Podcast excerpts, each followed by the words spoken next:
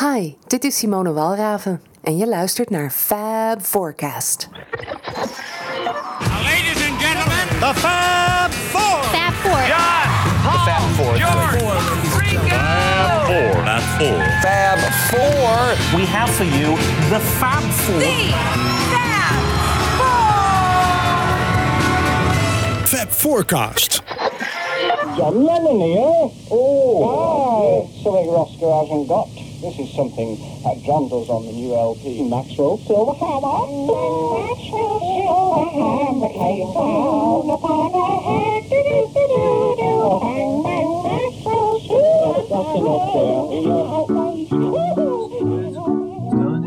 Physical science in the home. Late nights all alone with a test tube of home. Maxwell Edison, majoring in medicine, called her on the phone. Can I take you out to the pictures, John? But as she's getting ready to go, a knock comes on the door. Bang, bang, Maxwell Silver hammer came down upon her head. Do, do, do, do, do, clang, clang. Maxwell Silver hammer, make sure that John. Fab Forecast.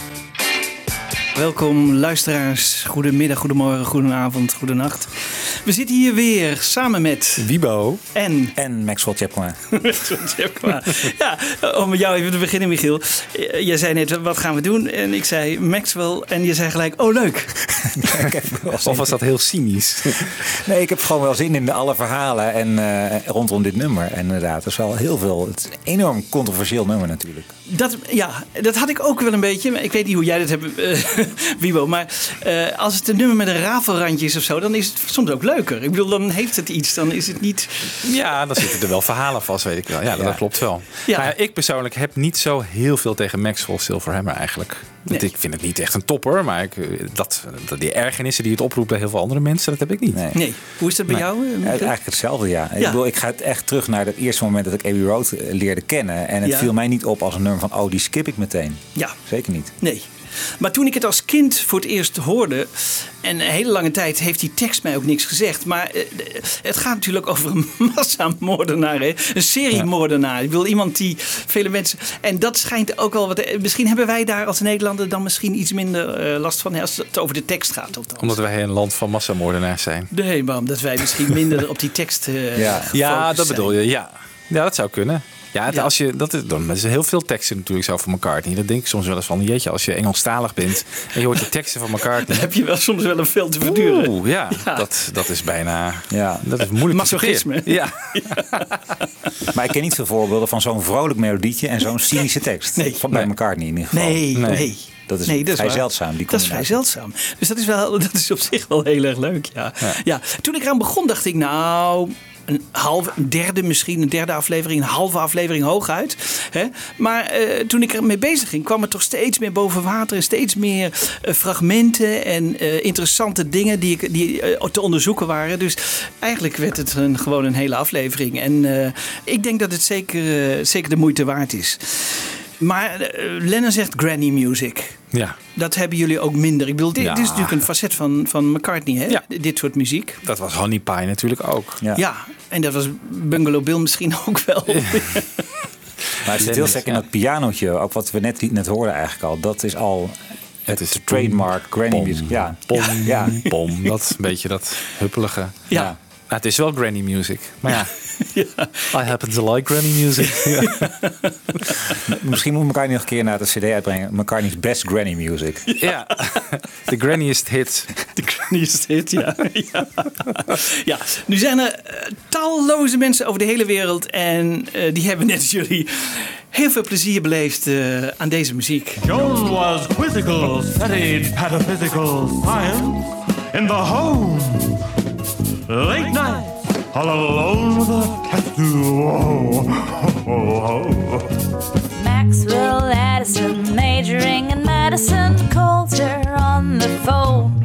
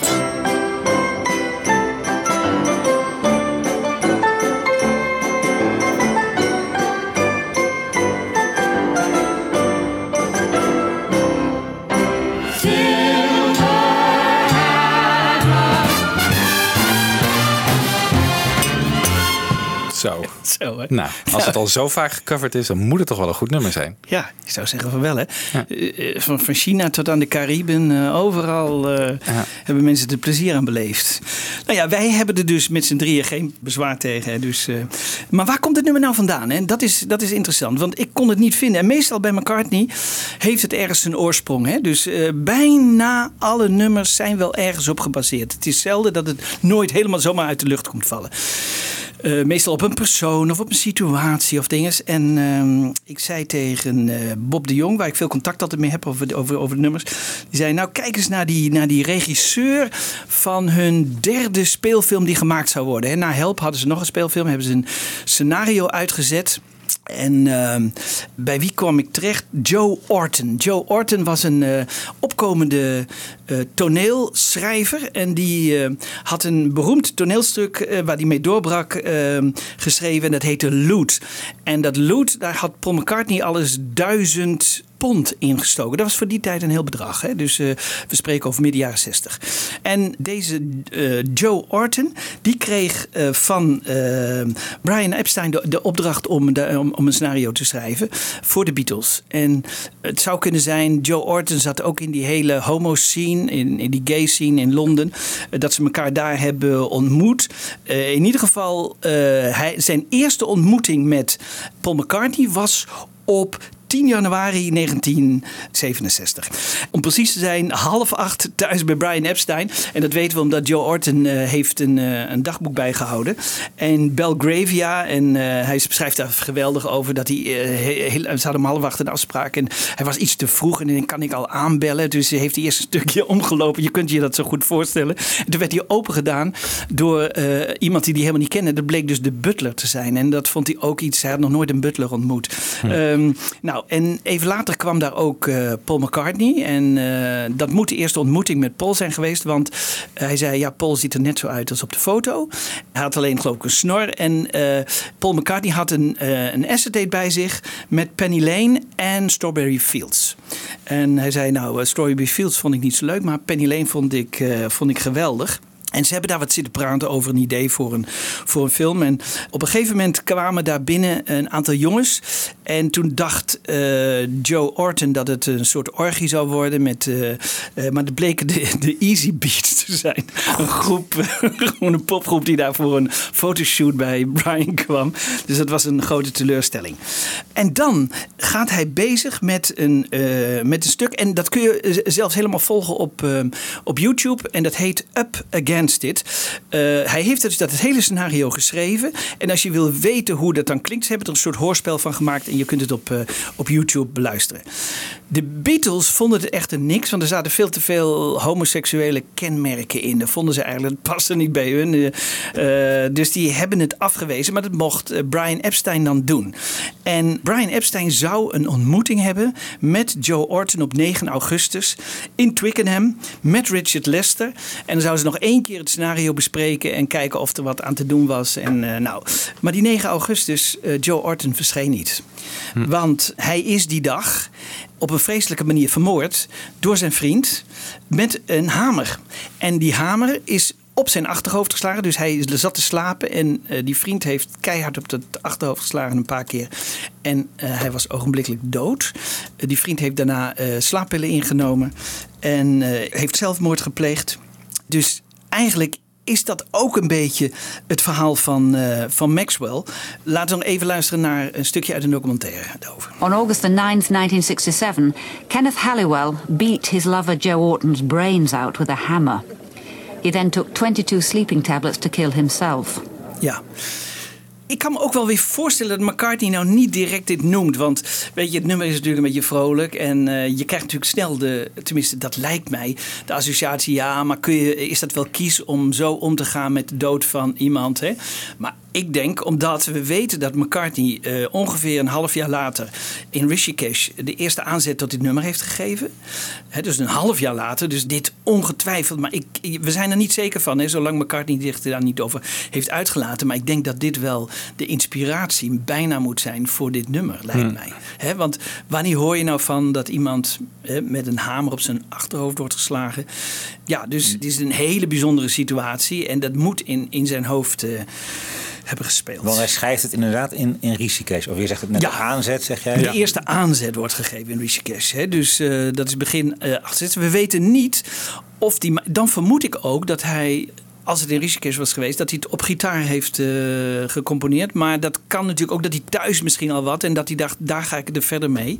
Ja, want het- in het opschrijfboekje van McCartney, dat, volgens mij eh, zitten daar foto's van in de Abbey Road box, toch? Exact. Ja. Ja, daarom weten we dat. Precies, de- dus eh, Kevin Howlett schrijft erover. Ja. En sindsdien weten we ook dat het dan als eerste is ontstaan. Maar nog niet heel veel meer hoor. Het is hooguit, zijn twee zinnen of zo. Dus- Maar dan is, speelt het al in zijn hoofd dus. Hè. En in eh, januari 1966, dus weer een jaar eerder dan die eerste ontmoeting met Joe Orton.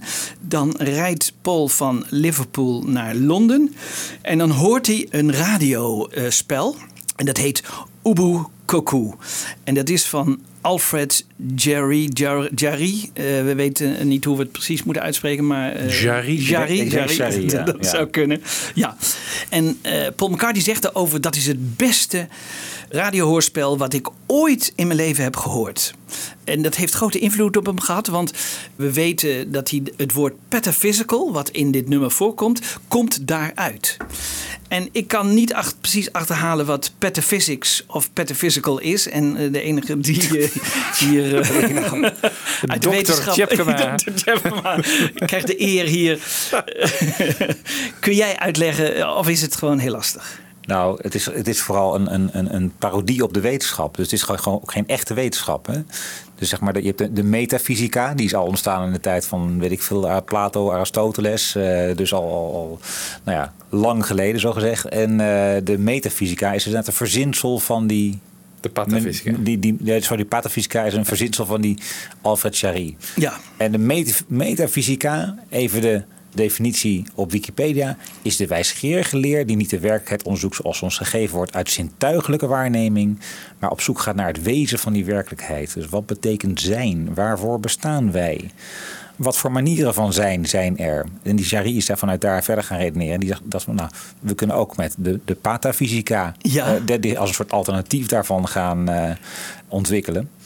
Nou, daarvan zegt Wikipedia dan, dat is een absurdistische parodie op de moderne wetenschap die met onzinredeneringen filosofeert over wat er achter de metafysica ligt. Ah, oké. Dus het is eigenlijk een. eh, het is volgens mij ook niet heel helder wat het dan onderzoekt of zo, of wat het beoogt te onderzoeken. Nee, het nee. is gewoon een, eh, een verzinsel, maar hij schreef er wel toneelstukken en boeken in die stijl.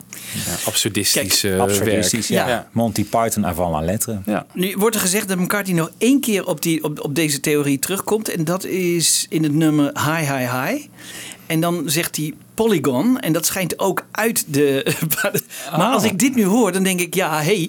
Hey, hij kan natuurlijk ook een absurdistisch iets verzinnen. Hè, maar dat hij eh, bodygun heeft bedoeld. Maar dat hij, eh, hè, dat, dat hij eh, binnen deze theorie eh, Ja, ja. eh, er zoiets van maakt of zo. Hè? Dus dat zou ik me ook nog kunnen voorstellen. Hij heeft het maar twee keer eh, in zijn eh, carrière gebruikt. Wel grappig dat je dit nu zo vertelt, eh, Michiel. Eh, de hoofdrol eh, werd gespeeld in het radiostuk door Max Wall. Hè? Maxwell. Oh, echt? Ja, dus, hè, dus, dus daar eh, vermoeden we ook weer hè, Maxwell. En heb je dat kunnen achter, dat, dat, die, zo'n hoorspel, dat zijn fragmenten Ja, dat had ik gehoopt. Hè. Dat had ik gehoopt. En, maar ik zie nergens, ik heb het hele BBC-archief door zitten werken, dat het bewaard is gebleven of zo. Oh, Want dat zou natuurlijk heel mooi zijn. Ja. Dat zou geweldig zijn. Goed, McCartney zegt, Maxwell's Silver Hammer gaat over het leven. Al lijkt het nog zo goed te gaan, van het ene op het andere moment kan het zo over zijn en veranderen. Dat is zijn gedachte achter dit eh, nummer. Nou ja, dus McCartney die komt voor het eerst met Maxwell bij de Get Back opname om kwart voor zes op 3 januari 1969. Ja, dat is grappig, want we horen het zo meteen even zeggen. En hij vertelt de groep welke akkoorden ze moeten gebruiken. 57, take one. The time is 5.45, second day of shooting. One, two, three. D, G, B, B, E minor. A7. A, A. D, D, D, B, B, D, D, D minor. Da, da, da. B to A minor. A7, na, na, na, na, na, na, na. D, D, A, then E. A, E, D, D, D, D, D, D, D, A, D, D, D, D, D, D. D, D, D, D, D, D, D, E. D, D. Ja. Ja, het zit ook in de film, hè? Ja. Ja. Nu dacht ik, nou dan laat ik even dit, eh, een stukje. Maar dit is ook het enige wat er bestaat op tape. Dus dat is wel grappig. In de film gaat het ook over. Hè? Dan eh, Ja, gaan het ze. over, ja, ja. het gaat over. Maar dat moest ook, want eh, eh, meer hadden ze niet. Dus eh, die, die, die geluidstechnicus is ook weer gestopt. Of de, of de cameraman. In ieder geval met, eh, met draaien. En eh, dus dit is ongeveer het enige eh, wat we erover hebben.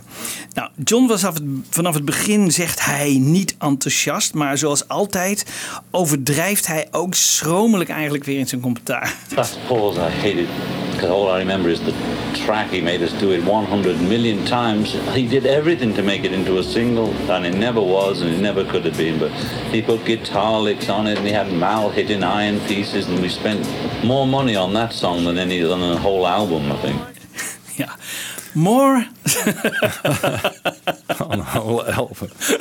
Ja, ik heb hier, ik heb hier de, omdat ik me een beetje verdiep nu in uh, Ja. Lennon, hè, circa 1980. Ja, eh, bij de ja. Double Fantasy opnames vraagt de engineer Lee DiCarlo aan John van... John, what broke up the Beatles? Ja. And John said, Maxwell Silverhammer. I sat in the studio for three weeks while McCartney did the vocals and by the time we were done, I hated him.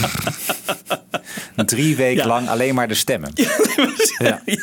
Maar goed, Jan Maar Kees. Wat, ja, wat hij zit toch niet op de opname, of wel? Nee, hij zit, nee, nee, nee. Hij nee. zei, hij speelt heeft, helemaal niet mee. Hij heeft de hele opname niet meegemaakt. Nee, nee maar nu... Waar heeft hij het dan over? Dat is toch raar? Misschien een Let It Be eh, sessies. Misschien dat ze daar heel veel Nou ja, dat, dat, ik vermoed dat ze daar dan Ja. terugkomen. Weet je. Dit, dit, dit, is, ja, het is ook wat gecultiveerd hoor. Ik, ik kom daar later nog, nog op terug. Maar wat wel grappig is, Apple-medewerker Tony King sprak met Lennon over dit nummer. En eh Lennon was heel enthousiast over de tekst. Het is jammer dat we dat niet op tape hebben. Die ging volgens John over de wet van karma. John zei dus in 71, 72, John zei dat, ze, dat zij, dus Lennon en McCartney, daar Maxwell Silverhammer over hadden geschreven. En dat het ook de eerste song was over dat onderwerp. En dat hield in dat op het moment dat je iets doet dat verkeerd is, Maxwell met zijn zilveren hamer komt en dan recht op je hoofd slaat. Dus dat is de, de wet van karma. Hè, want hij- instant karma, hè, ten, tijde dat dat nummer werd, eh, werd opgenomen, was hij dus eigenlijk enthousiast over de tekst. Ja, dit is echt eh, nu ook weer. Dus dan denk ik ook, ja goed, ik ben ook gaan zoeken van, eh, hoor ik dan ergens John eh, vervelend of eh, afkeurend eh, tijdens die opname? Nergens. Eerder misschien ook wel het tegendeel. John was ook actief zelfs in het bedenken van muzikale structuur van de song. Hij heeft hier bijvoorbeeld een idee voor de tweede stem. En ook George komt met die idee en, en, en McCartney vult het aan. Nou, luister even. Can you do anything about that, Clint? to be doing on this stuff? Bang, bang, Maxwell Silverhammer came down upon his head. Bang, clang, Maxwell Silverhammer made sure that she was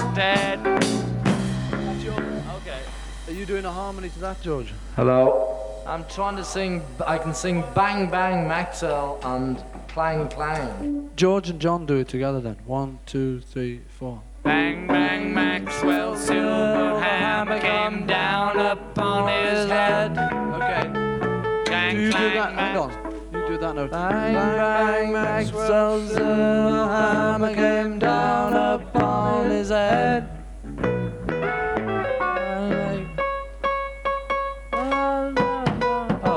It's too, uh, you know, I'll have to have something very simple, otherwise the bass just Okay, well you off. do you do Johnson. Bang bang bang, Axel, sizzle, the hammer came down upon his head.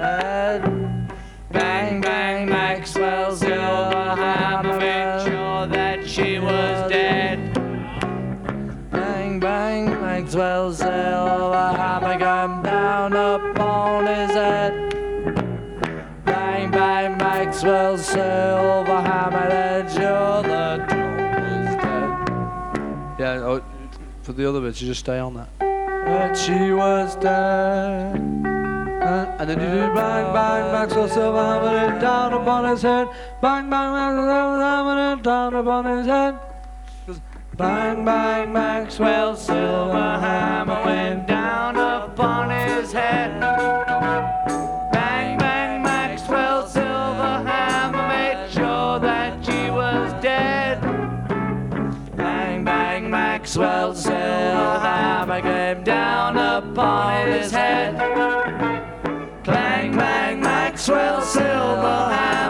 sure that she was dead. Zijn wel actief. Ja, toch? Maar, maar dit is een beetje dag één, dat ze het nummer doornemen. Of- Nee, nee, nee, Oh. dit is al later. Nee, nee, nee, nee, dit is al eh, later hoor. Ze hebben eh, het op iets van drie dagen of zo. eh, gedurende drie dagen hebben ze wat eh, dingen zitten oefenen. En ik heb dus alles beluisterd, hè, wat, wat wat er van eh, Maxwell te vinden is. En geen één keer heb ik gehoord van. Oh, laten we het ni- niet doen. Of eh, ik heb er nu genoeg van. Of, eh, hè. Eh, nee, het is, er zijn wel twee keer dat, dat John even heel overdreven gaat zingen. Maar ook niet zo dat je. Ja, het is meer eh, humoristisch en het is wel grappig. En het verveelt hem dan, denk ik even. Maar het is niet zo dat je die irritatie of zo merkt. En, en, en dat- dat, dat, dat zei Lewison ook hè, in ons programma. Die zei: Ik heb al die tapes eh, beluisterd. En die zei, ja, ik zie eigenlijk heel, vrij weinig van die irritatie. En, en, en eh, eerder een, een vrolijke beat. Ik krijg een ander idee dan wat ik uit hun eh, interviews naar voren eh, zie komen. Is, is de irritatie niet veel meer ontstaan door, eh, net zoals bij Obladi Oblada, het eindeloos perfectioneren van het nummer in, in die fase? Nou, Michiel, ik denk dat de irritatie is ontstaan omdat McCartney niet precies wist wat hij wilde. En dat zag je dus ook bij Opladi. Hè, daar wist hij ook niet, was hij het op een gegeven moment de, de weg kwijt. En dat gebeurt niet vaak bij McCartney. McCartney weet vaak over het algemeen, als hij de studio inkomt, weet hij hoe een nummer wil klinken. En zo moet het en zo zal het zijn. En dat is natuurlijk ook niet altijd leuk, maar dat is voor die anderen wel makkelijker. En vooral voor John, die toch eh, niet houdt eh, van eindeloos repeteren. En die wil het liefst weer door. En ik denk dat zij hebben gevoeld van, oh hier... Het zijn bijna, bijna als roofdieren, weet je. Van, oh, hier, dit is het zwakke punt van McCartney. Hij weet, ze hebben bijvoorbeeld heel lang met fluiten zitten. Hè? Dus de melodie fluitend. En daar hebben ze eindeloos op zitten oefenen. Maar eh, ze beseften ook dat het misschien niet echt iets was... wat uiteindelijk de, de opname zou halen. Dus ik denk dat dat het probleem was. McCartney die niet helemaal zeker wist hoe hij het wilde hebben. En eh, de anderen die dat voelden, die dachten... oh, maar dit wordt eindeloos repeteren. En eindeloos en misschien wel een soort opladie-herhaling... waarvan we niet precies weten waar het eindigt. En nu was er geen John Lennon die zei van... en zo gaan we het doen met die piano aan het begin. En, ten, ten, ten, ten, ten, Nee. en dat zou het geweest kunnen zijn. Laten we George nog even luisteren over eh, zijn zorg over dit nummer. Maxwell's silver hammer is uh, is just something of Paul's, which he's been we've been trying to record it. We record we spend a hell of a lot of time on it, and uh, it's one of those that instant sort of whistle along tunes, which I don't know some people will hate. Ja. ja. Dat was dus niet het geval, maar zij, zij haatten het in ieder geval wel. Goed, ehm, John zei het al net even. Hè? eh, hij kwam met allerlei ideeën, waaronder een aanbeeld. We horen zelfs het moment dat Paul het idee krijgt voor het aanbeeld tijdens de Get Back opname. That's lovely, fellas. Uh, well, on, on an anvil, like on steel, you know, on a piece of. So it sounds silver, steel. Ja. Mel, eh, dus het moest klinken hè, als, als zilveren hamer die klinkt, als staal. Mel die herinnert zich in de eerste helft van de 60 jaren, eh, net voor zijn dood, in een interview. En hij verontschuldigt zich dan nog voor het feit dat het lijkt alsof hij niet in de maat speelt in, het, in de film. Eh, Ja, laten we, dat is ook zo volgens mij. Ja, laten we Mel Evans daar even over antwoorden. Didn't you play the anvil in Maxwell's Silver Yes, indeed, yes. Uh, in your The other thing performance? was on the film it's out of sync because we used um, a different sound take to the one we did with the film, so it's slightly out of sync. It looks as though I don't keep time too well. I was wondering about that. That's what it is. Ja, ja, Ja. ja. Oké, dus het is een andere soundtrack op de beelden, waardoor het dus out of sync. eh, Dat gebeurt natuurlijk wel vaker, hè, dat ze eh, eh, verschillende de Ja. montages en die voegen ze dan bij elkaar. En dan is het niet hetzelfde nummer. En, dan, en misschien was het ook, zag het er ook wel leuk uit als, als Mel net verkeerd sloeg, weet je. Dus dat het voor het effect, voor de grap wel, wel aardig was. Maar het kan ook zijn dat hij niet echt helemaal synchroon sloeg. Dat, dat weten we dus niet. Ik heb het dus niet gehoord in de, in de geluidsopname, hè, dat hij asynchroon... eh, Oké, Ja. dan is het misschien toch een montage eh, Ja. dingetje. Maar dat is toch wel gek, want het, je hoort het op het geluidsspoor. Dan zou daar iets... Ja, maar dat kan nog steeds, hè? Ik bedoel, eh, want bijvoorbeeld aan het eind, dang, dang, weet je, de- dan... dan eh, Ja, dat is een studioopname die bedoelt. Maar die Let It Be eh, rehearsals, dat is gewoon allemaal één spoor natuurlijk. Dus daar, Ja. ga je niet, daar kan je niet een Envil automaat tikken. Omdat het is gewoon allemaal één spoor. Ja, dat is waar, dat is waar. Ik ja. denk dat Mel gewoon... Het is maar goed dat hij geen drummer is geworden dan, denk ik. Toch? Ja, ja. Ja, nou ja, dat was hij natuurlijk ook niet. Hij was gewoon een roadie, hè? Ja, precies. Ja. Ik sluit eh, de Get Back opname hè, af met een prachtige compilatie ooit gemaakt door de Beatles Remixers groep. Hieruit blijkt hè, dat ze eigenlijk met, eh, met heel veel plezier er ook wel aan gewerkt hebben.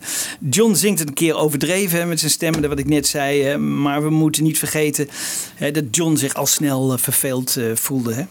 Vooral als, het niet zijn eigen nummer was. Dus dan, dan helemaal. De compilatie van, eh, van Maxwell Silverhammer.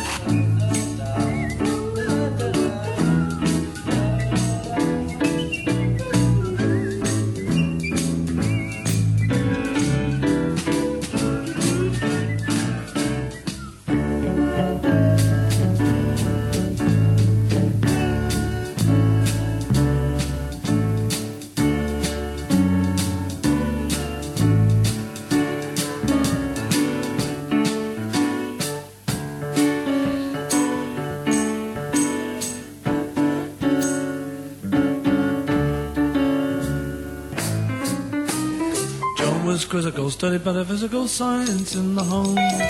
Late nights all alone, intense to bar. Maxwell Edison, majoring in medicine, called her on the phone. Don't I take you out to the pictures, John? But as she's getting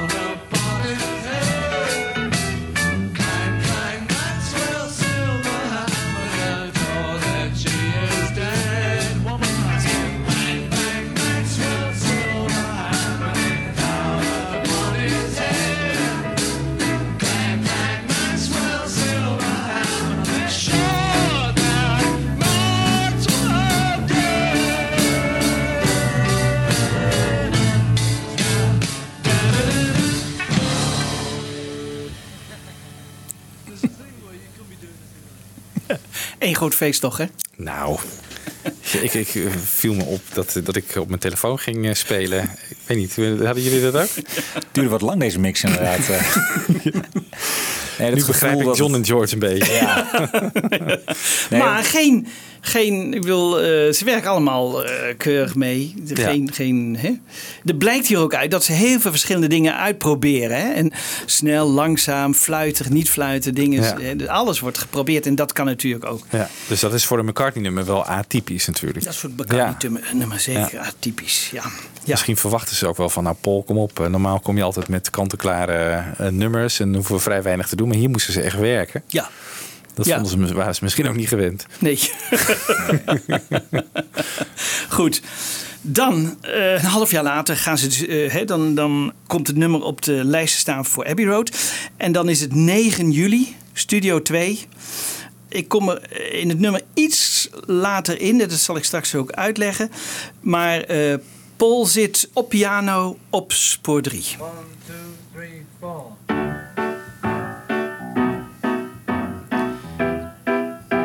Zijn vocalen worden dan opgenomen op spoor 8. all alone with a test tube. Oh, oh, oh. George Fender bass op spoor 1. Majoring in medicine calls her on the En Ringo op drums op spoor 2. take you out to the pictures, John. But as she's getting ready to go, knock comes on the door. Bang, bang, Maxwell silver hammer came down upon her head. Bang, bang, Maxwell silver hammer made sure that she was dead. Ja, dat was dus de, de basis eigenlijk van het nummer. Hè? Zonder John. Sommigen zeggen John was er niet bij, anderen zeggen John was er wel bij. Ik denk dat hij er niet echt bij was. Het bed van Yoko is wel die dag naar binnen gereden. Eh, de beroemde scène. Kijk, en nu, nu, dat is interessant. Hè? Nu zegt Jeff Emmerich in zijn boek dat Paul op bas lang over deed om dat geluid van een tuba op bas te krijgen. Nou, dat horen we ten eerste niet terug. Hè. We hebben dat al eens eerder gehad eh, tijdens de dubbele witte LP. Dat hij eh, een bas als tuba, dus dat zou kunnen. Maar George had wel moeite met de bas. En hier, eh, dit is nog even één opname uit Twickenham. En dan vraagt hij eerlijk, hij vraagt aan Paul, eh, aan Paul om hem eh, te helpen op bas. Dat vind ik wel heel erg leuk. So it's whistling, two verses, then That's producing me. yeah. Whenever I play bass, because I don't know anything about it, I don't know what the sound is. I just plug it in and play it. So if somebody knows how to get the sound Well, or record it, I mean, Glenn will have to do that. Ja. Interessant, hè? Dus hij zegt, ja, ik heb eigenlijk niet zoveel verstand van die bas. eh, hè? Maar ik speel het wel en ik plug in en dan... Hè?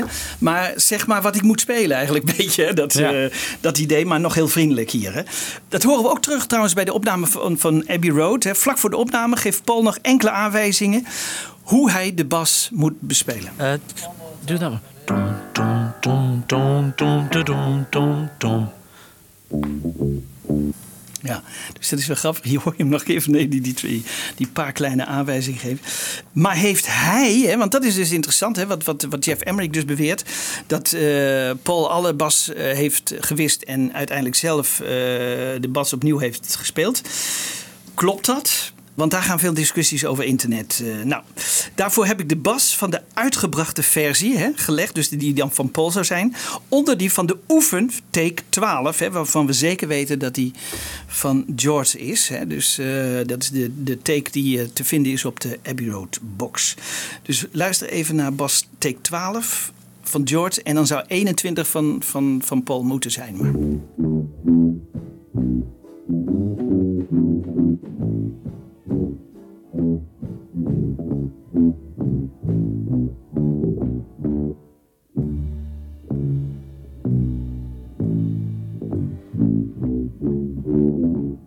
Nou, dat is eigenlijk nou het verschil, hè?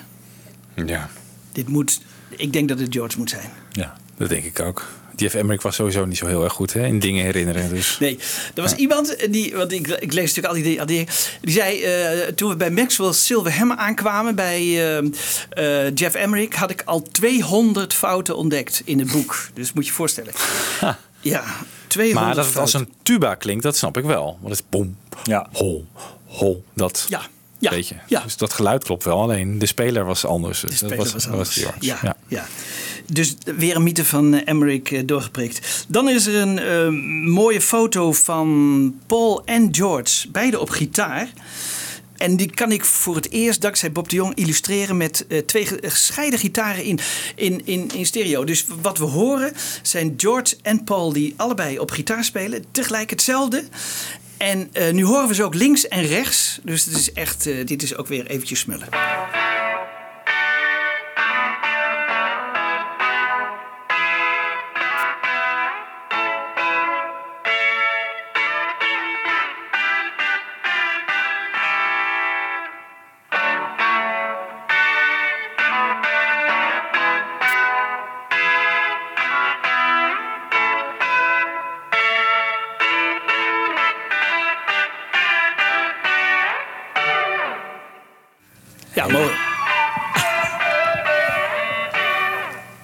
Komt nog een stukje achteraan. Heel mooi.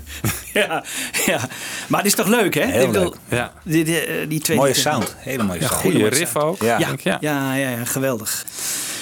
Ja, we zitten op 9 juli. ehm, en dan schrijft Jeff Emmerich dus. Hè, ik, moet, ja, ik moet toch eventjes, want moet al, af en toe moet er even eh, al die, die fabels doorgeprikt worden. Eh, dan zegt eh, Jeff Emmerich, Mel Evans belt George Martin en zegt dat John en Yoko naar de studio komen. Dus dat, dat is dat beroemde dag met het bed. Maar dat kan niet eens, want Mel Evans was bij die opname helemaal niet aanwezig. Hij was op vakantie. Hè. Het gedurende deze opname was Mel Evans bevond zich op een zonnig oord. Dus die kon helemaal niet aan George Martin hebben gebeld. Dus ook niet eh, dit. En dan heeft hij nog de duidelijke herinnering dat Mel, die het aanbeeld de studio inbrengt, worstelend onder het gewicht. Klopt dus ook niet. En de anderen lachten hem uit. Kan dus ook niet, hè, want dat was niet Mel. Dan gaan Ringo en hij beide tegen het aanbeeld slaan. Klopt dus ook niet. Maar het werd Ringo te zwaar. Klopt ook niet. Dus dat deed Mel het zelf. Maar hij heeft geen goede timing. Dat heeft die schrijver natuurlijk gehaald uit die Let It Be film. Hè? Want die heeft hij gezien dat, dat de timing van Mel Evans niet goed was. Dus dat heeft hij gebracht naar de opname. Ja. En, en daarom moest het steeds opnieuw. Klopt ook niet. Er er wordt geen enkele melding van gemaakt dat die opname met die Envil opnieuw moest. Want Ringo deed het eigenlijk, eh, eigenlijk gelijk goed. Allemaal onzin dus. Eh, het komt zegt- hij daar dan bij, En dan hè? zegt de man hè, die in 79, hè, want dat, dat, kan ik me ook zo kwaad over maken, zegt hij, negen jaar na de Beatles, hè, zegt hij, ik heb eigenlijk nauwelijks meer herinnering aan de Beatles. Ja. Hè? Hoe komt hij dan in die verhalen? Nou ja, ik denk die, die ghostwriter van hem, die is gewoon gaan zoeken. Die is overal. En die is gaan zoeken naar wat hebben andere technici. Hè, want die waren ook Ja. heel boos daarover. Hè, want hij heeft andere technici gebeld van weet jij nog leuke herinneringen. En die heeft hij gebracht als zijn herinnering. En soms heeft hij gewoon dingen verzonnen. En eh, hij heeft gedacht, ja, dit is, een, dit is als, als een soort roman of zo. Hè. Niet beseffende dat we dit dus nog tientallen jaren in allerlei sites aangehaald krijgen. Want ja, hij was toch de grote technicus van de Beatles. En eh, dat we dus die onzin eigenlijk allemaal eh, moeten, ja. Ja, ja. Dus eigenlijk moet het boek nooit meer lezen. Dat, eh, want dan Nee, kan maar ik nou ja, dus- foute dus- info ja, in ja, maar dus- ja, er staat en af en toe staat er ook nog wel weer een keer wel iets goeds in. Maar het is zo jammer dat het ondergesneeuwd wordt door de hoeveelheid slechte informatie. Ja. Maar dat, heeft dus, ja. dat weet ik nog wel, dat Lewison heeft het ook met Alan Williams gedaan. Hè? Met hem gezeten van, wat heeft die ghostwriter nou erin gebracht in het boek en wat niet? Zo Ja. probeer je natuurlijk als geschiedkundige weer gewoon het kaf van het koren te scheiden. Van waar, Ja. waar, Ja. Dat, dat had eigenlijk Ja. met dit boek ook, eigenlijk ook gebeurd. Gebe- Ja. Misschien hopelijk doet Mark Lewison het hoor. Dat zou Ja. kunnen. Dat hij het eh, alsnog doet. Ja. Ja. Maar misschien, weet je, weten jullie nog, we hebben toen gebeld met Jeff Emmerich. En ik, ik weet nog dat ik hem heb gevraagd hè, voor Anthology. Ehm, hebt u toch die tapes gebruikt van sessions en zo? En waarom hebben jullie dat gedaan? Wist hij helemaal niks? Hij wist gewoon niks. Nee. En je, je hoorde gewoon dat zijn geheugen een zeef was. Weet je, dat was ook iets. Want dat, dat zijn zulke belangrijke informatie.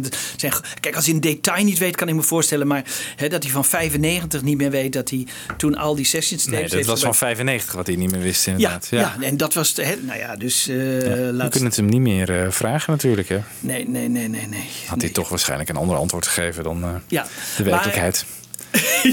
Toch? Ja. Ja, wie weet. Ja, ja, Het is ja. wel zonde, want het is wel de is technicus van de Beatles dat hij zo'n Jammer. safe geheugen zo'n safe is. Ja, ja. Dat is jammer. Hij is zelfs in regressietherapie gegaan. Hè? Dus dat betekent dat je dan je geheugen... Maar dat heeft ook niet geholpen. Ze hebben hem laten luisteren naar alle takes die er dan te vinden waren op Ah, dat ja. moment. En dat heeft hij ook... eh, Goed, ja. Dat aanbeeld... eh, Ringo speelt het aanbeeld op spoor 7.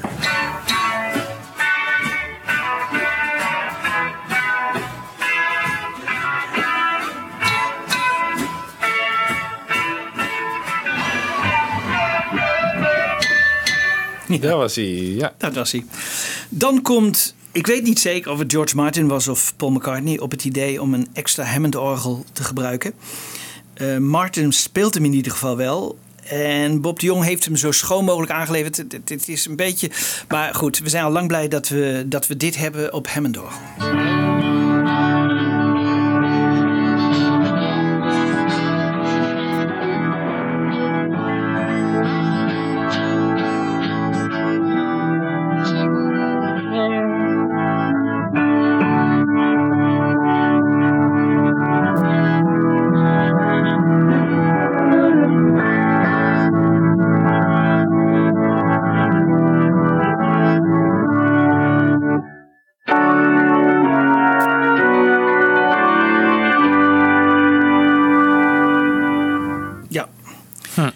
Viel me op dat eh, de Analogs geen Hammond-orgel hebben gebruikt in dit nummer. Want ik heb nog even gekeken van... Hè, hebben ze, Ah.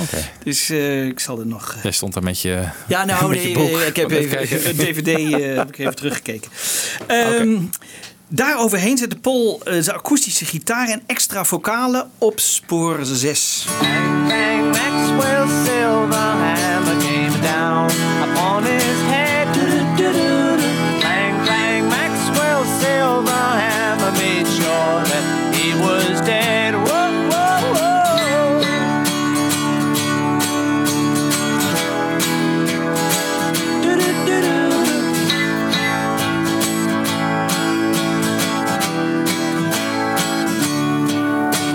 Hij lette weer op elk klein detail, dus ook een stukje piano wilde hij. En ik kan me ook voorstellen dat het de eerste keer dat hij dat niet heeft gespeeld, maar dat dit eh, even extra concentratie kostte om dit stukje piano te spelen.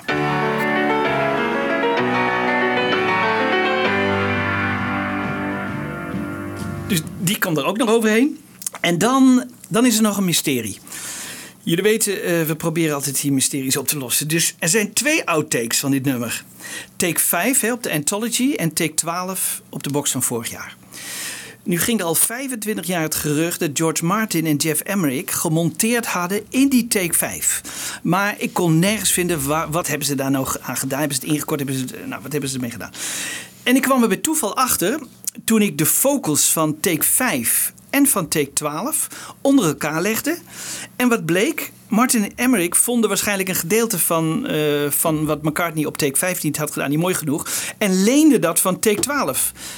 Eh, luister maar, want op een gegeven moment hoor je echt eh McCartney even hetzelfde zingen. Dus dat is geleend van take 12.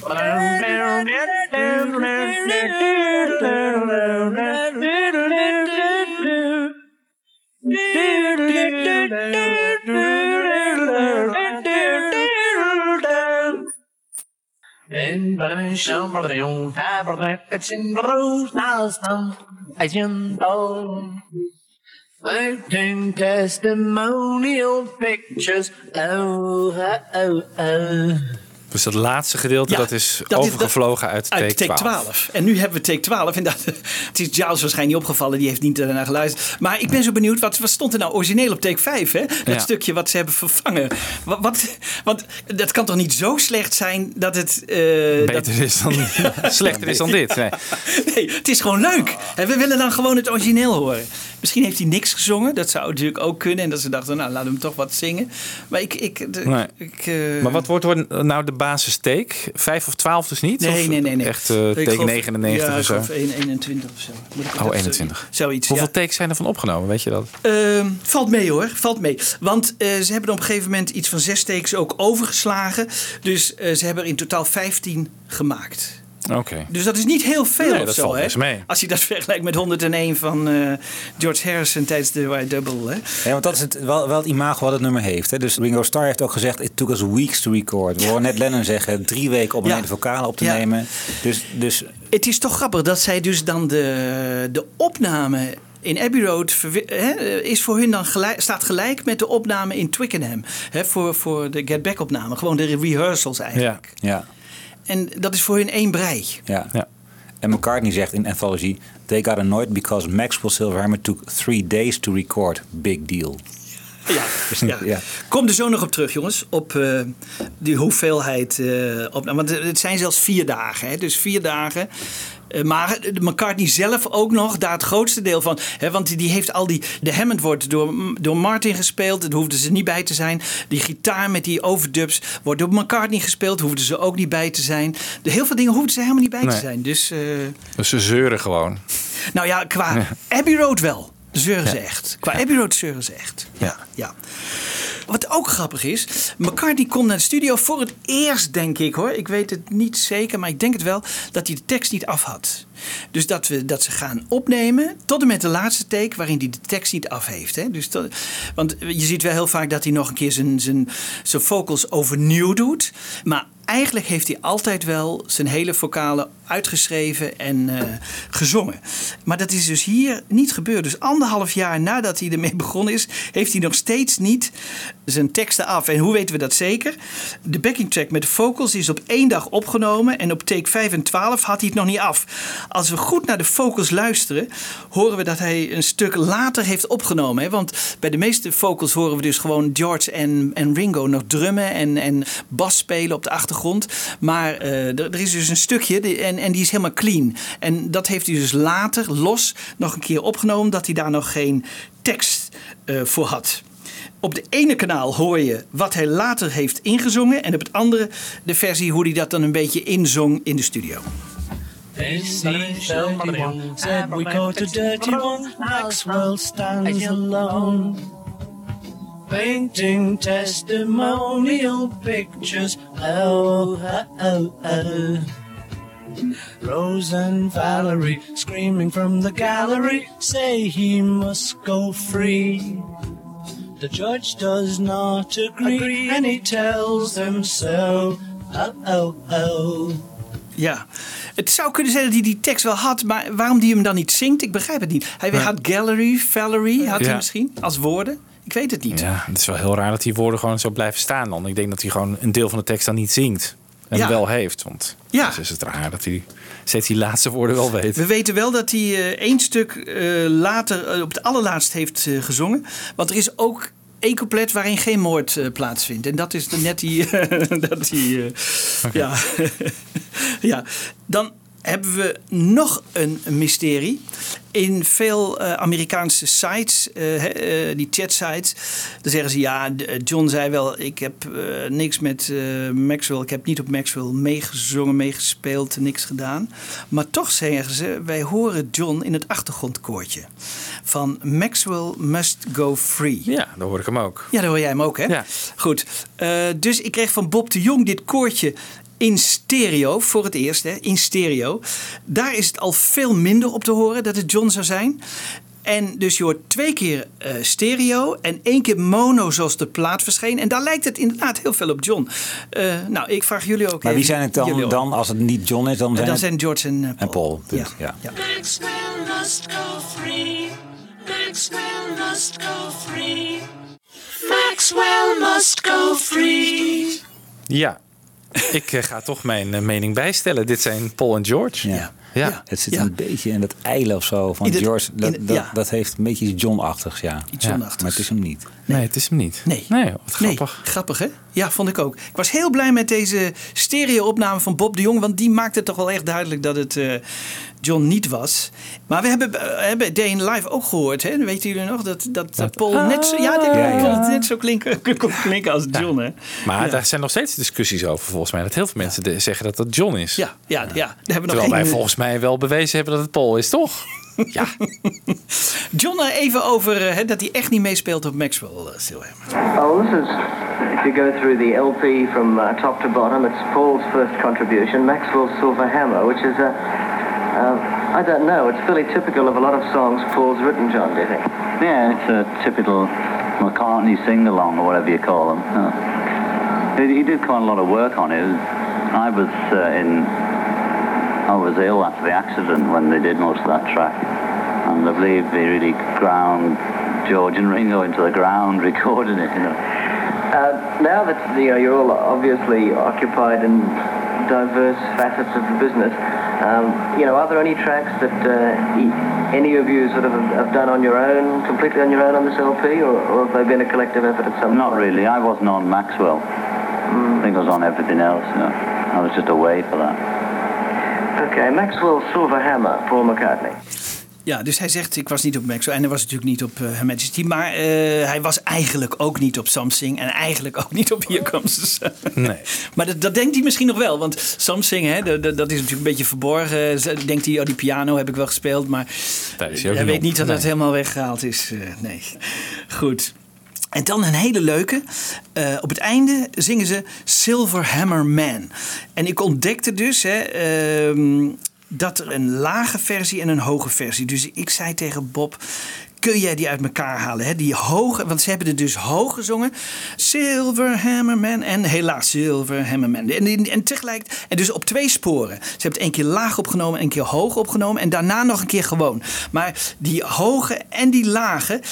Die heeft hij een beetje eruit kunnen halen uit, uh, uit zijn sporen. En dan krijg je dit.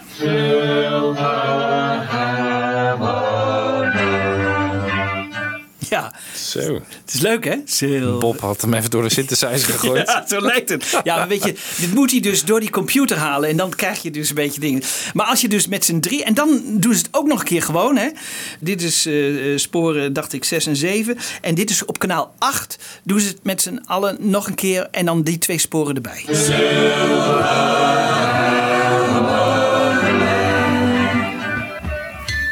Ja. Ja, ook weer iets nieuws wat we nu kunnen horen dankzij die Atmos uh, mix en zo. Hè? Maar zit John hierbij dan? Of nee, ook niet? Nee, nee, nee. Wel Ringo, dacht ik. Ah, oké. Okay. Leuk. Alan Parsons was er als assistent bij. En een paar jaar geleden werd hij uh, bij lezing gevraagd wat hij herinnerde van de Moog opname. En uh, dit was zijn antwoord. Do you remember your first experience with the Moog synthesizer and what it was like? I do. Um, it was on um, Maxwell Silver Hammer, and Paul playing the solo on, on, on that uh, on that piece. Um, the, the the the original Moog synth was a huge. I mean, it, it would take up half the stage at least. It was a, it was in a separate room. It was in a, a, a sort of isolation room to uh, another studio, and. Um, Mike Vickers from Manfred Mann, I think he was the owner of it. Um, and uh, George Martin later bought one as well.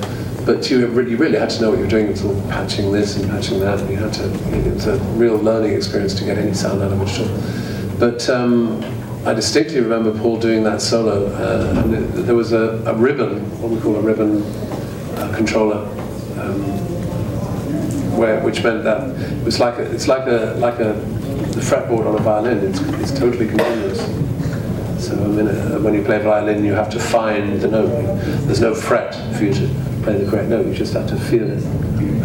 And Paul played that solo on this ribbon,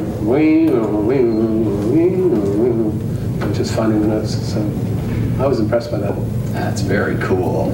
Ja. Yeah, very cool. Very cool. ja. Het was overigens niet de synthesizer van Mike Figures. Nee? Nee, want hij was van George. Oh ja, natuurlijk. Ja. Van, George, van George Harrison. Parsons uh, was onder de indruk hè, van hoe snel uh, McCartney zich die Moog eigen maakte. En het is ook echt wel knap, want als je dat een beetje isoleert. Dan, en, en hij deed het vrij snel allemaal, hè? dus dan, dan, dan hoor je dit.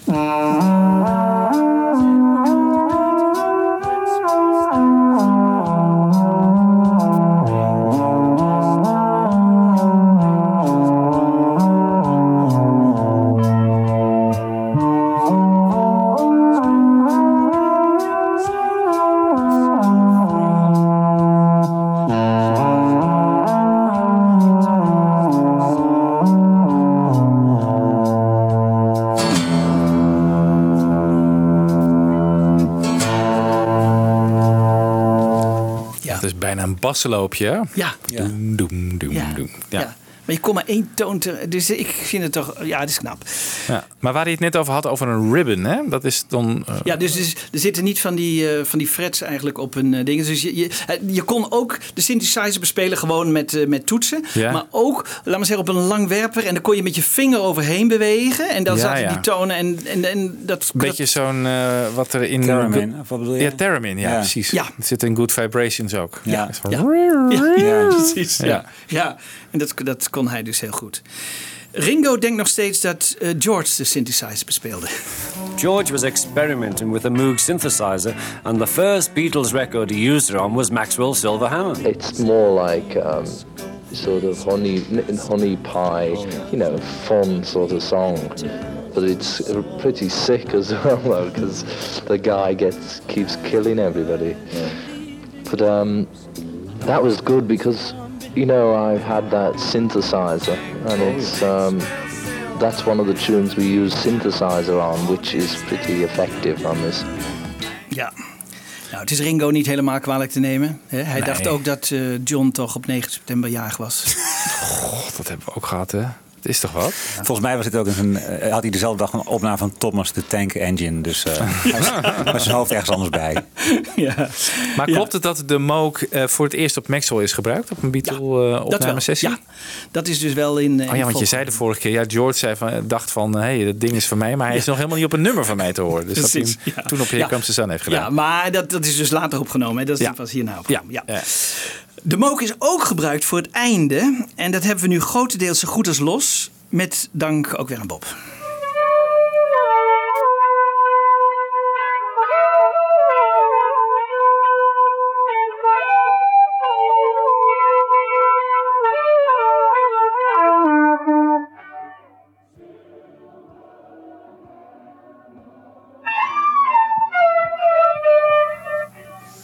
Hè?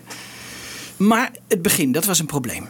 Het begin van Maxwell Silverhammer. Daar hebben ze echt heel lang mee bezig zijn. En we, ik kan dat nu allemaal reconstrueren. Het, het is een stuk wat later helemaal zou afvallen. Je hoort achtereenvolgens de basis, zoals het gespeeld is, helemaal aan het begin in al die takes. Dan de backing track, dus het begin met de Hammond-orgel van Martin. En dan het begin met de synthesizer van Paul. Dus ze hebben van alles geprobeerd aan het begin.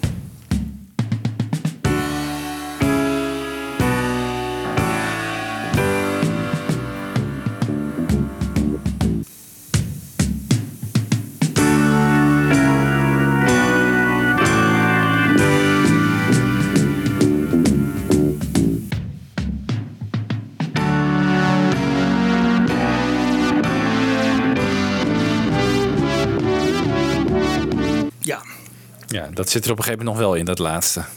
Nee, want Midden in begin- het nummer. Ja, midden in het nummer. Ja, midden in het nummer. Maar het Ja. begin is... eh, Ja, het begin is eraf. Het begint eraf. meteen met Joan Ja, was. Ja, ja, ja.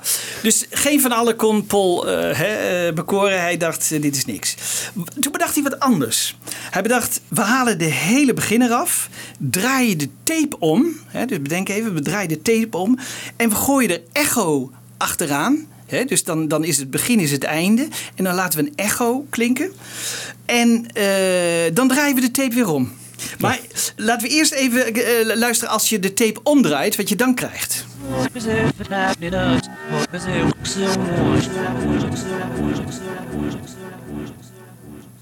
Dus dit is ongeveer het effect. En dan draai je de tape weer om. En Bob denkt dat het ongeveer zo geklonken zou hebben.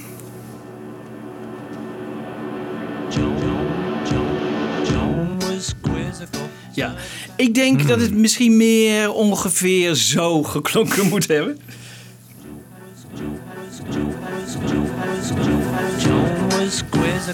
Nou ja, weet je, Ga nog even door. hoor. Ja, ja. de waarheid zal een beetje in het midden liggen. Maar dit was ongeveer het idee. En ik dacht, laat Bob het eens proberen. Ik probeer het eens. Maar dit, dit is dus verdwenen in de archieven van, eh van EMI. We, we weten het niet. Hè. Het is een reconstructie. Maar het is ook niet geslaagd. Maar het is wel het idee erachter. Hè. Ja, ik vond die tweede wel aardig zijn. Van dat... Nou ja, Gewoon dat was- quizzical. Dat vond ik wel Dat was ook het, dat was een beetje het idee van McCartney Ja. van Ja. Hè, laten we eens iets nieuws proberen. En voor dat begin. Ik vond die drum ook, die, die drum die zo begint. Ja, wel, het is een beetje something-achtig. Ja, dat is een, zou een beetje Ja. raar zijn geweest. Dat je direct het nummer daarna... Ja, ik weet niet hoe ver ze toen al met Something waren. Oké. Het is geen krachtige opening Nee, of het is geen hè? Krachtige Nee. opening, nee. Ja, dus we zijn volkomen in de prullenbak. Ja.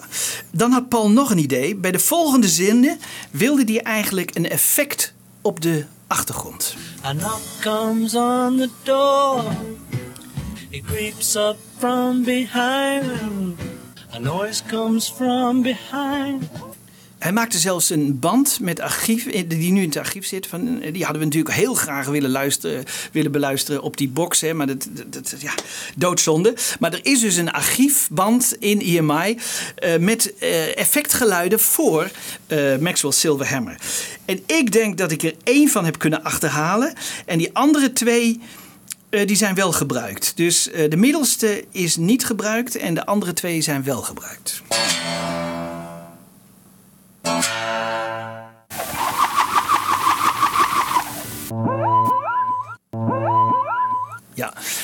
Dus die, tju, die ontdekte ik op, op een van de tapes. En eh, ik denk dat dat een sound effect is die ze hebben aflaten, die, die ze niet hebben gebruikt. Maar ze wilden, hij wilde dus iets creepy, iets, eh, ja, iets... eh, een beetje patafysisch. ja, nou ja, nee, iets engs denk ik. Iets engs dat hij die wil.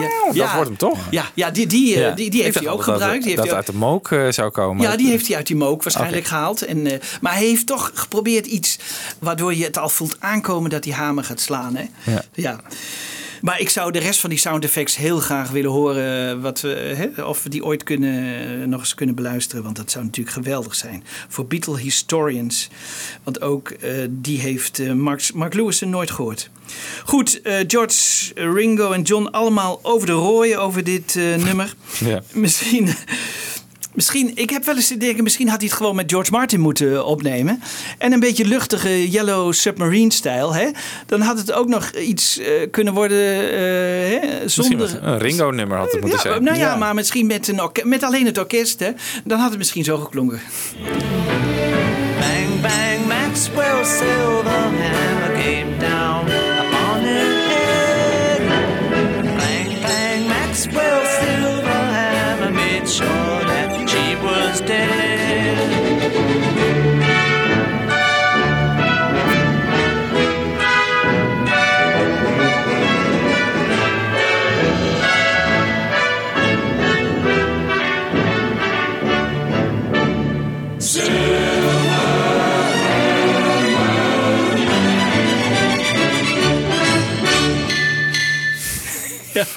Was wel iets voor de oratorio geweest. dit. ja. Hij had er in ieder geval veel kwaad bloed mee kunnen vermijden. Ja. Hè? Waarom Martin helemaal niks met orkest hier gedaan is, is me ook een vraagteken. Maar goed, eh, het is jammer. McCartney heeft zich nooit zo over dit nummer uitgelaten. Daar kom ik zo even over terug. John zegt dus drie dagen. Het is te gek, te veel. Het kost evenveel als een hele LP. Eh, dat is natuurlijk ook allemaal onzin. Eh, Maxwell zonder mixage, vier dagen. Hè, dus drieënhalf, vier dagen. Is dat veel? Being for the Benefit of Mr. Kite, vijf dagen. Ja, dus allemaal zonder mixage. Hè? Dus, eh, en dat bedoelt John ook. Glass Onion, zes dagen. Hè? Dus drie keer, twee keer zoveel. Eh, net als Sexy Sadie, Revolution, Come Together. Dan I Want You, Good Morning, All You Need, Everybody Got Something. Zeven dagen aangewerkt. Zeven dagen. Strawberry Fields, negen dagen aangewerkt. Goed, dus drie à vier valt enorm mee. Het laatste woord hierover is eh, voor McCartney, die is eigenlijk wel behoorlijk openhartig is hierover tegen David Wick. Het is ook een van de laatste dingen die hij ooit over heeft gezegd. So I got, I became known as being overpowering. So it was Abbey Road we were doing, yeah, Maxwell Silver Hammer, because I got some grief on that. I took three days to do that. I didn't think we got Maxwell Silver Hammer right, so I kept pushing to get it right. And they said, man, we spent two days on this song already. Which, you know, now, two days it takes to switch on the Fairlight. Let's say, you know, the, on one of the sessions, it was round about Maxwell Silver Hammer time. Uh, This did used to, I, I'm sure it did piss people off, and much as I tried to not piss people off, obviously, if you are, um, I don't know, driving force, overbearing, whatever you want to call it, if you are on the ball, perfectionist, whatever, it can annoy some people. Because some people can just say, oh, come on, man, hang out. You know, Can we just have a, let's go and have a drink, you know, let's have a smoke or something. Let's just bed." Which, you know, I did plenty of anyway. I mean, it wasn't as if I was just a relentless crazy. I mean, I did plenty of the other. It just seemed to me when we went, when we had a session booked, it was a cool idea to turn up. Goed, hier verdedigt hij zich nog. Maar daarna, eigenlijk speelt hij het live nooit meer. Nee, hij heeft nooit gespeeld. Nooit meer, nooit. Überhaupt nooit. Nooit. Nee, heeft hij nooit meer gespeeld. Terwijl hij trots is op de tekst. Want hij laat het opnemen in Blackboard. eh, Blackbird Singing? Ja, ja. Ja, want dat is het leuke. Wat heb ik gedaan? Hè, dus begin 2000, hè, 2002 of zo, doet hij in New York een voordracht. En een hele nummer. En dan leest hij het voor. Hè? Geweldig. En ik heb even aan Bob gevraagd, zet het even op muziek. Daarmee wil ik eruit gaan. Hè? Want het is echt heel erg leuk om te horen. Want dan, dan krijgt het iets van een rap eigenlijk. Hè? Dus Ah, ja. eh, als hij het voorleest tijdens de muziek van de Beatles. Goed, daarmee eindigen we. Nog even, eh, Michiel, eh, heeft het je kijk op het Nou, nummer nog ik vind wel, veranderd? eh, door, doordat je het zo uit, uitrafelt weer, voel je wel, het nummer heeft heel veel leuke momenten gewoon. Ik bedoel, die gitaar die je liet horen is heel erg leuk. Ik vind dat slotakkoord heel erg leuk, het Silverhammer Man. Ja. Eh, Ja. Die geluidseffectjes. Het is een kunstig nummer. Eh, er zitten veel momenten dat je denkt van, ah, dit zit echt goed in elkaar. Ja. Dus dat vele werk, dat heeft wel... eh Zijn vruchten uitbetaald- afgeworpen, Ja, ja. precies, is wel uitbetaald. Ja. Ja, en wat ik al zeg. Ik heb een goed gevoel bij, maar dat heb ik bij Obladi misschien ook. Ik heb eigenlijk misschien nog een beter gevoel hierbij dan bij Obladi. Ja, dat, dat heb ik ook, ja. Ja? ja. Hoe kijk jij er tegenaan, eh Wiebo? Nou, ik vind het wel op Abbey Road wel de, het minste nummer. Daar heb ik toch nog liever Octopus's Garden dan eh, Maxwell Silverhammer. Maar ik vind het minder erg dan Obladi. Het is toch wat, eh, ja, het is wel een beetje granny music, maar het, het heeft wel gewoon een goede sound, een goede vibe of zo. Ik vind het ook, dat basspel vind ik toch ook lekker van George. Ja. En Ringo's drums klinken goed. En, Ja. ja, en het heeft hele leuke verrassingjes en leuke Precies. dingetjes. En En zoals wel interessant ja, houdt. Ik lees net de column van Anne, want die heeft inderdaad in september 2019 er zo'n blog aan gewijd. Ja. En die wijst dan weer op het zinnetje van Rose and Valerie screaming from the gallery, say must go free. En dan Maxwell Ah, must go free. Dat is toch heel, ja. het is gewoon leuk gedaan. Ja. Ook weer zo'n momentje, weet je wel. Ja. Er zijn Ja. er zo een stuk of vijf dat je denkt van, nou, dit, dit is, is goed doordacht. Ja, Ja. maar dat hij het echt als single wilde, dat is wat de anderen dus zeggen, Nee. dat snap ik echt niet. Nee, maar het heeft geleden onder, eh, ja, zeg maar als je de oorspronkelijke eh, Abbey Road recensie van bijvoorbeeld eh, Rolling Stone leest, krijgt het een prima kritiek. Dus, Ja. dus de contemporaine kritiek was ook positief over dit nummer. Ja. Dus het heeft echt geleden onder volgens mij de zilveren hamer die, eh, die Ian McDonald erop is gaan slaan. Vanaf 95 of zo krijgt het een hele slechte eh, Ja, de reputatie. daarvoor toch ook al wel, Ja, toch? nou, nee, ik denk die reputatie is echt heel slecht geworden vanaf toen eigenlijk. Ja, maar John en George, tenminste Ja, vooral maar dat- John was ja, er ja. altijd wel heel negatief daarover. En dat was toch ook wel bekend. Ja, eh. maar, nou, maar dat was niet zo in het eh, hele domein dat we allemaal over spraken van oh, dit is echt eh, de zwarte bladzijde op Abbey Road of zo. Dat staat me toch niet bij hoor. Dat is waar, ja. Ik vond het als kind heel leuk. Ja, ik weet dat ja. het met muziekles op school hebben we dit nummer gezongen met z'n Ja. allen. Ja, dat vond iedereen leuk natuurlijk. Ja, Waarom heeft Paul het nooit gespeeld? Is het besmet? Dat denk ik wel. Ja, ja. ja, absoluut. Maar goed, hij speelt dan ook wel Ebony and Ivory, wat ook besmet is.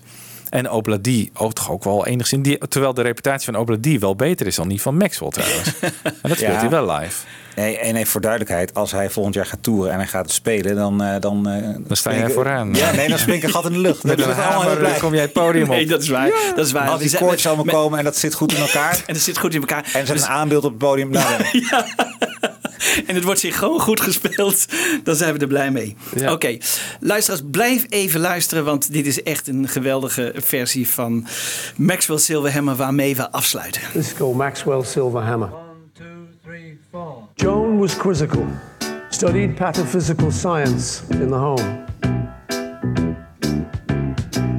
Late nights all alone with a test tube. Oh, oh, oh, oh.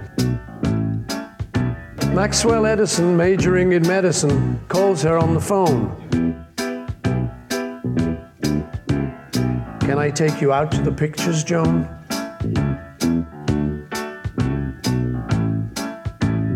But as she's getting ready to go, a knock comes on the door. Bang, bang, Maxwell's silver hammer came down upon her head. Bang Bang Maxwell's silver hammer made sure that she was dead.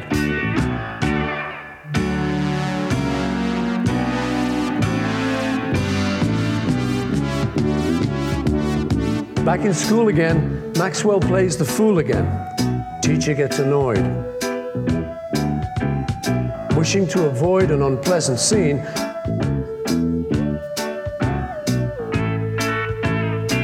tells Max to stay when the class has gone away. So he waits behind. Writing 50 times, I must not be so. Ho ho ho. But when she turns her back on the boy, he creeps up from behind.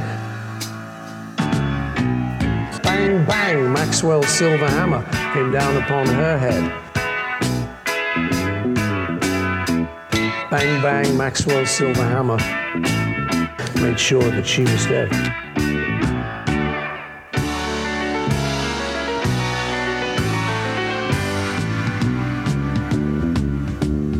PC 31 said, We've caught a dirty one.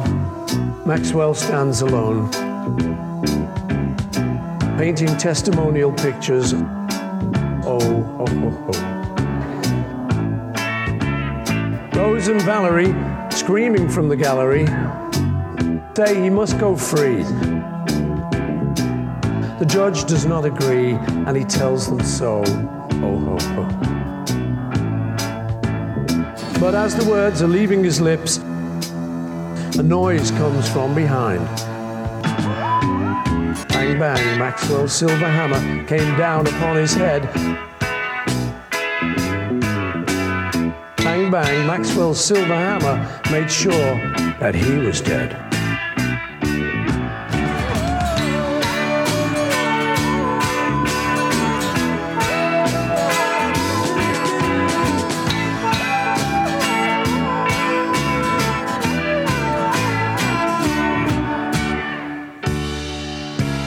Maxwell Silver Hammer. Fab Forecast. Luister ook naar Fab Forecast via beatlesfanclub.nl.